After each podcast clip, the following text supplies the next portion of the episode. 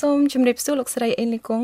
ចានាងខ្ញុំសូមជម្រាបសួរអឺជាកិច្ចចាប់ផ្ដើមនាងខ្ញុំចង់ដឹងថាមូលហេតុដំបូងអ្វីដែលលោកស្រីចាប់ផ្ដើមចង់រៀនធ្វើជាពេទ្យថ្មិញតាមពិតការរៀនហ្នឹងគឺដោយចៃដន្យឬមួយក៏គ្មានជំរឿគឺក្នុងវ័យរៀនសូត្រហ្នឹងនៅក្នុងឆ្នាំ80ជាង87 88ហ្នឹងគឺអត់មានមហាវិទ្យាល័យ ច្រើនសម្រាប់ឲ្យយើងជ្រើសរើសទេកាលពីជំនាន់នោះវិស័យសុខាភិបាលជាជំរើសល្អបំផុតសម្រាប់ឲ្យម្នាក់ម្នាក់ចង់ចូលរៀនហើយនាងខ្ញុំក៏បានប្រឡងពេទ្យដែរតែចៃចៃដល់ខ្ញុំប្រឡងធ្លាក់ហើយពេទ្យថ្មីនេះជាជាវិជ្ជាជីវៈមួយដែលគ្មានអ្នកណារៀនសោះម្ល៉េះហើយខាងសាលាគេកាត់យកអ្នកធ្លាក់ដែលបន្ទុកល្អហ្នឹង30នាក់មករៀនពេទ្យថ្មិញដោយគ្មានជំរើសខ្ញុំក៏រៀនប្រកបរៀនពេទ្យថ្មិញហើយក៏ ប្រកបអាជីវកម្មធ្វើពេទ្យថ្មិញចាប់តាំងពីខ្ញុំរៀនចប់នោះតែម្ដងចាចាហើយនៅក្នុងការបង្កើត clinic ពេទ្យថ្មិញផ្ទាល់ហ្នឹងតើក្រៅពីតម្រូវការជំនាញខាងពេទ្យហ្នឹងថាការគ្រប់គ្រងអាជីវកម្មពេទ្យថ្មិញហ្នឹងមានការលំបាកក៏ដូចជាត្រូវការជំនាញអីផ្សេងទេសម្រាប់បទពិសោធន៍លោកស្រីផ្ទាល់ចា ការធ្វើអាជីវកម្មនៅក្នុងវិជ្ជាជីវៈជាពេទ្យថ្មិញហ្នឹងវាមានការលំបាកខ្លាំងជាងយើងធ្វើអាជីវកម្មអ្វីផ្សេងផ្សេងទៀតព្រោះយើងត្រូវការអ្នកជំនាញវិជ្ជាជីវៈខាងថ្មិញនឹងផងដែលយើងត្រូវការអ្នកឯកទេសក៏ដូចពេលដែល clinic រីកធំទៅយើងមានត្រូវការ ជំនាញក្នុងការគ្រប់គ្រងដឹកនាំអាជីវកម្មនិងត្រូវការធនធានមនុស្សផ្សេងផ្សេងទៀតដើម្បីឲ្យអាជីវកម្មរីកចម្រើនដូចជាសហគ្រាសនិងសហគ្រិនដទៃទៀតអញ្ចឹងចាអញ្ចឹងវាបន្ថែមពីលើជំនាញឯកទេសថែមទៀតថាទៅពាក្យជំនួញឬក៏ business ហ្នឹងភាគច្រើនគេគិតថាជា អាជីពរបស់បរោះសម្រាប់អ្នកស្រីបង្កើត clinic ពេទ្យថ្មីតាំងពីជំនាន់កៅជាងមកអញ្ចឹងសម្រាប់លោកស្រីគិតថាពាក្យជំនួញហ្នឹងវាមានន័យយ៉ាងដូចម្ដេចខ្លះដែរក្នុងនាមជាស្ត្រីហើយដល់សប្តាហ៍នេះជាស្ត្រីសហគ្រិនកម្ពុជាដល់ឆ្នាំម្នាក់ដែរនេះខ្ញុំគិតថាសហគ្រិនភាពហ្នឹងមិនមែនសម្រាប់តែបរោះឬមួយក៏សម្រាប់ជាស្ត្រីគឺសហគ្រិនភាពហ្នឹងសម្រាប់យើងទាំងអស់គ្នាដែលយើងចង់ ប្រកបអាជីវកម្មយើងអាចធ្វើការងារនឹងបានដូចគ្នាទាំងបរិសុទ្ធទាំងស្ត្រីគ្រាន់តែស្ត្រីមានការលំបាកជាងដោយសារស្ត្រីយើងគេចាត់ទុកជាភេទទុនខ្សោយដែលគេបកគលការងារជាមេផ្ទះឲ្យយើងដល់ពេលយើងធ្វើជាសហគ្រិនភាពយើងត្រូវធ្វើការងារហ្នឹងពីរដងលើសពីបរោះដោយសារយើងត្រូវធ្វើការងារដែលអត់បានការដែល បរោះទុកឲ្យផងយើងត្រូវធ្វើការងារដូចបរោះផងចាចាអញ្ចឹងមានការលំបាកច្រើនចាងាកមកបច្ចុប្បន្នភាពនេះនឹងខ្ញុំក៏ដឹងថាលោកស្រីបានបំពេញតួនាទីជាប្រធានសមាគមសហគ្រិនស្ត្រីកម្ពុជាដែលបានបង្កើតឡើងនៅឆ្នាំ2011ហើយបានពង្រីកមានសមាជិកកាន់តែច្រើនហើយផ្ដល់ជាវគ្គបណ្ដុះបណ្ដាលជួយពង្រឹងសមត្ថភាពផងស្ត្រីនឹងហើយខ្ញុំចង់ដឹងថាតាមរយៈសមាគមនេះតើលោកស្រីយកឃើញយ៉ាងដូចម្តេចដែរចំពោះសក្តានុពលភាពរបស់សហគ្រិនស្ត្រីកម្ពុជាយើងក្នុងការប្រឡូកបង្កើតអាជីពតូចខ្នាតតូចខ្នាតធំអីជាដើមហ្នឹងចា ចាជាដំបងឡើយនេះខ្ញុំសូមសង្ខេបថាពីសមាគមសហគ្រិនស្ត្រីរបស់ខ្ញុំបន្តិចចាដែលយើងបង្កើតឡើងហ្នឹងតាំងពីឆ្នាំ2011ដែលខ្ញុំជាសហស្ថាបនិកម្នាក់នៅក្នុងសមាគមសហគ្រិនស្ត្រីហើយខ្ញុំបានប្រឡូកតាំងពីសមាគមសហគ្រិនស្ត្រីចាប់ដើមឆ្នាំ2011រហូតដល់ពេលបច្ចុប្បន្នហ្នឹងខ្ញុំធ្វើការងារយ៉ាងសកម្មនៅក្នុងក្រុមប្រឹក្សាពិបាលរបស់សមាគមសហគ្រិនស្ត្រី ដែលរយៈពេលថ្មីថ្មីនេះ6ខែមុននេះខ្ញុំត្រូវបានសមាជិកទាំងអស់បោះឆ្នោត ឲ្យខ្ញុំនាងខ្ញុំធ្វើជាប្រធានសមាគមសហគ្រិនស្ត្រីខ្ញុំយល់ឃើញថាស្ត្រីនៅក្នុងប្រទេសកម្ពុជាហ្នឹងទោះបីគាត់ជាគេចាត់ទុកជាភេទទុនខ្សោយដែលដែលយើងតាក់តែងមកឲ្យទៅនៅផ្ទះប៉ុន្តែជាស្ថិតិរួមស្ត្រីដែលចូលរួមក្នុងអាជីវកម្មហ្នឹងមានដល់60ដែលបច្ចុប្បន្នកាលនេះមានដល់65%ឯណោះប៉ុន្តែភាគច្រើននៃអាជីវកម្មរបស់ស្ត្រីទាំងអស់នៅក្នុងຂະຫນាត់តូចហើយនិងຂະຫນាត់មធ្យម ចាប៉ុន្តែទោះបីជាខ្នាតតូចខ្នាតណាត់មធ្យមស្ត្រីអាចចូលរួមជួយជំរុញកំណើនសេដ្ឋកិច្ចរបស់ប្រទេសកម្ពុជានឹងបានយ៉ាងច្រើនចាបន្ថែមលើការខិតខំព្យាយាមចូលរួមអឺបង្កើតជាឱកាសការងារក៏ដូចជាកំណើនសេដ្ឋកិច្ចនៅក្នុងប្រទេសកម្ពុជានឹងលោកស្រីក៏សម្គាល់ឃើញថាស្ត្រីដែលជាសហគ្រិនចង់បង្កើតអាជីវកម្មខ្នាតតូចខ្នាតធំនឹងក៏ជួបប្រឈមនឹងបញ្ហាអ្វីខ្លះដែរជាចម្បង ចាអ្វីដែលគាត់ជួបប្រទះនឹងមានច្រើនដោយសារគាត់ ស្ត្រីទាំងអស់ទោះបីគាត់ធ្វើអាជីវកម្មផងគាត់ក៏ទទួលបន្ទុកមួយដែលជាមេផ្ទះដែលបរោះនៅប្រទេសខ្មែរហ្នឹងគាត់មិនដូចនៅប្រទេសក្រៅដែរដែលគាត់ធ្វើការងារទូចតាចនៅក្នុងផ្ទះហ្នឹងជួយគ្នាដែលបរោះខ្មែរវិញគាត់តែងតែការនេះការងារនេះជាការងារស្ត្រីអញ្ចឹងស្ត្រីទទួលអមរែកនឹងផងហើយស្ត្រីត្រូវធ្វើការងារក្នុងការប្រកបអាជីវកម្មផង ហើយស្ត្រីក្នុងការធ្វើអាជីវកម្មមានការលំបាកមួយទៀតដោយសាររនាំងនៃប្រពៃណីវប្បធម៌យើងមិនសូវឲ្យគាត់ចេញក្រៅទេអញ្ចឹងការងារតំណាក់តំណងនៅក្នុងសង្គមឬមួយក៏នេះទាំងទៀបបណ្ដាញនឹងក្នុងការលក់ដូរហ្នឹងគាត់រៀងលំបាកជាងបរោះបរោះគាត់ក្នុងការដែលគាត់ធ្វើអាជីវកម្មអីគាត់មាន network នឹងលឿនជាងអញ្ចឹងស្ត្រីក៏ជួបប្រទះបញ្ហាហ្នឹង បញ្ហាមួយទៀតទៅលើចំណេះដឹងរបស់ស្ត្រីនេះមានការទៀបជាងដោយសារអានឹងជាសង្គមទាំងមូលហ្មងបើសិនជាថាការរៀនសូត្រវិញគេឲ្យតម្លៃទៅលើបរិសុទ្ធភុសគេជំរុញឲ្យគាត់រៀនតែស្ត្រីអត់អត់ឲ្យរៀនទេតែឥឡូវវាមានការផ្លាស់ប្ដូរសម្រាប់សម័យកាលបច្ចុប្បន្ន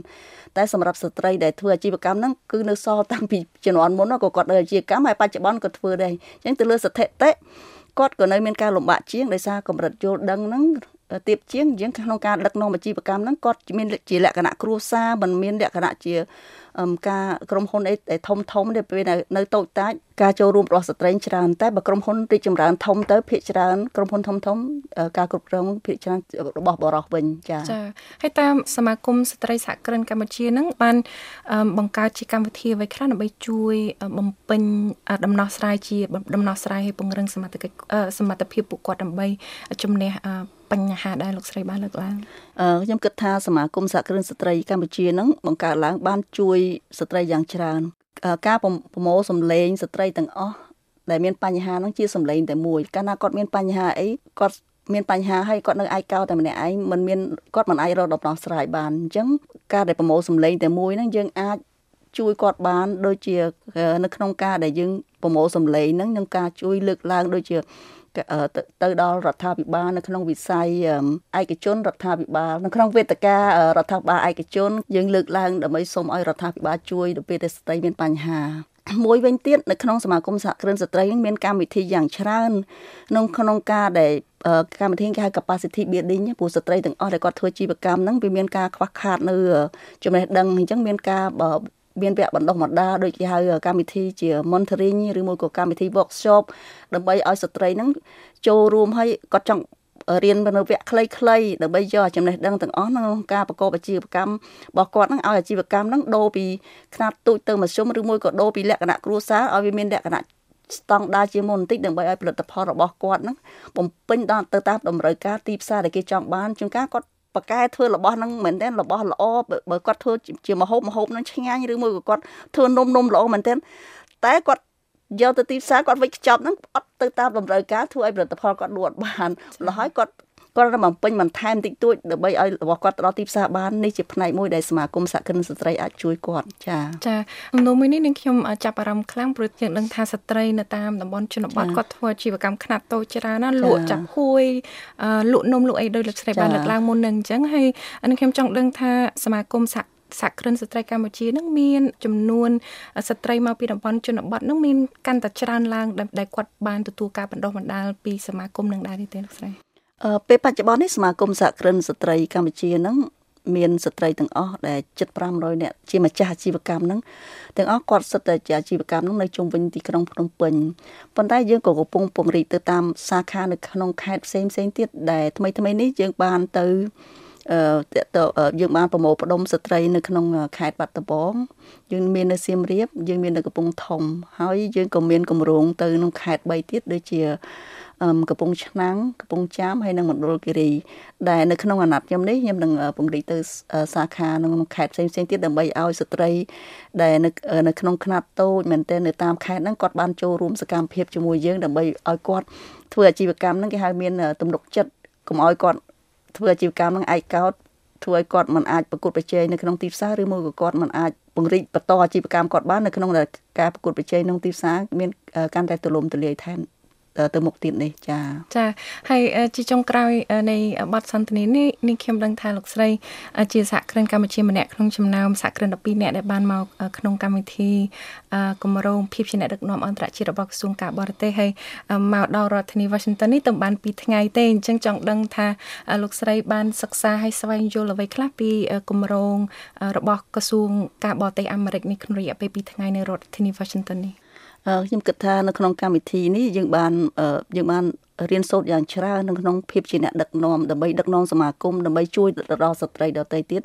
ក្នុងនេះយើងក៏បានជួបជាមួយអង្គការពី3ដែរនៅក្នុងនោះមានអង្គការឈ្មោះ We Connect ដែលអាចស្វែងរកផ្លូវឬមួយក៏ access សម្រាប់តំណតំណងធ្វើម៉េចឲ្យតំណែងទីផ្សារពីស្រុកខ្មែរហ្នឹងមកជាមួយខាង We Connect គេតាក់ទងមកដើម្បីឲ្យតាក់ទងរវាងអ្នកលក់និងអ្នកទិញ ហើយប៉ុន្តែគម្រោងនឹងធំយើងកំពុងទៅវិញសិក្សាថាយើងធ្វើម៉េចដើម្បីឲ្យការងារហ្នឹងទៅដល់ស្ត្រីយើងដែលកំពុងតែធ្វើអាជីវកម្មចាហើយយើងក៏បានជួបជាមួយខាងអូប៉ិចអូពេចហ្នឹងក៏ជាអ្នកផ្ដល់ fund ដែលគេ focus ទៅលើស្ត្រីដែរយើងកំពុងថាព្រោះស្ត្រីដែលធ្វើជីវកម្មអ្វីដែលខ្វះច្រើនជាងគេគឺរឿង fund ហ្នឹងរឿងលុយហ្នឹងហើយយើងកំពុងកំពុងតាក់ទងថាធ្វើម៉េចឲ្យវាមានយើងរក fund ឬមិនដើម្បីជួយឲ្យស្ត្រីនេះមាន ការដែលខ្ចីលុយក្នុងការបរិយាអាជីវកម្មនឹងយ៉ាងម៉េចឲ្យមានឲ្យគាត់ធ្វើបានចាហើយក៏យើងបានជួបជាមួយអង្គការ US AID ចាដែលដែលការងារទាំងអស់ហ្នឹងយើងកំពុងថាជាមសុបាយមួយដែលអាចជួយឲ្យស្ត្រីនៅក្នុងប្រទេសកម្ពុជាហ្នឹង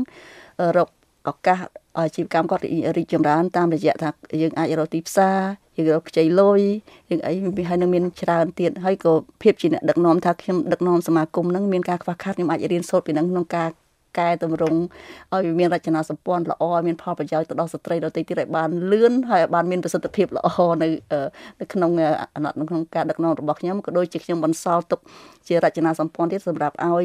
អ្នកបន្តវេនពីអាណត្តិខ្ញុំទៅហ្នឹងក៏គាត់អាចធ្វើការងារបានស្រួលក្នុងការពរិចទៅដល់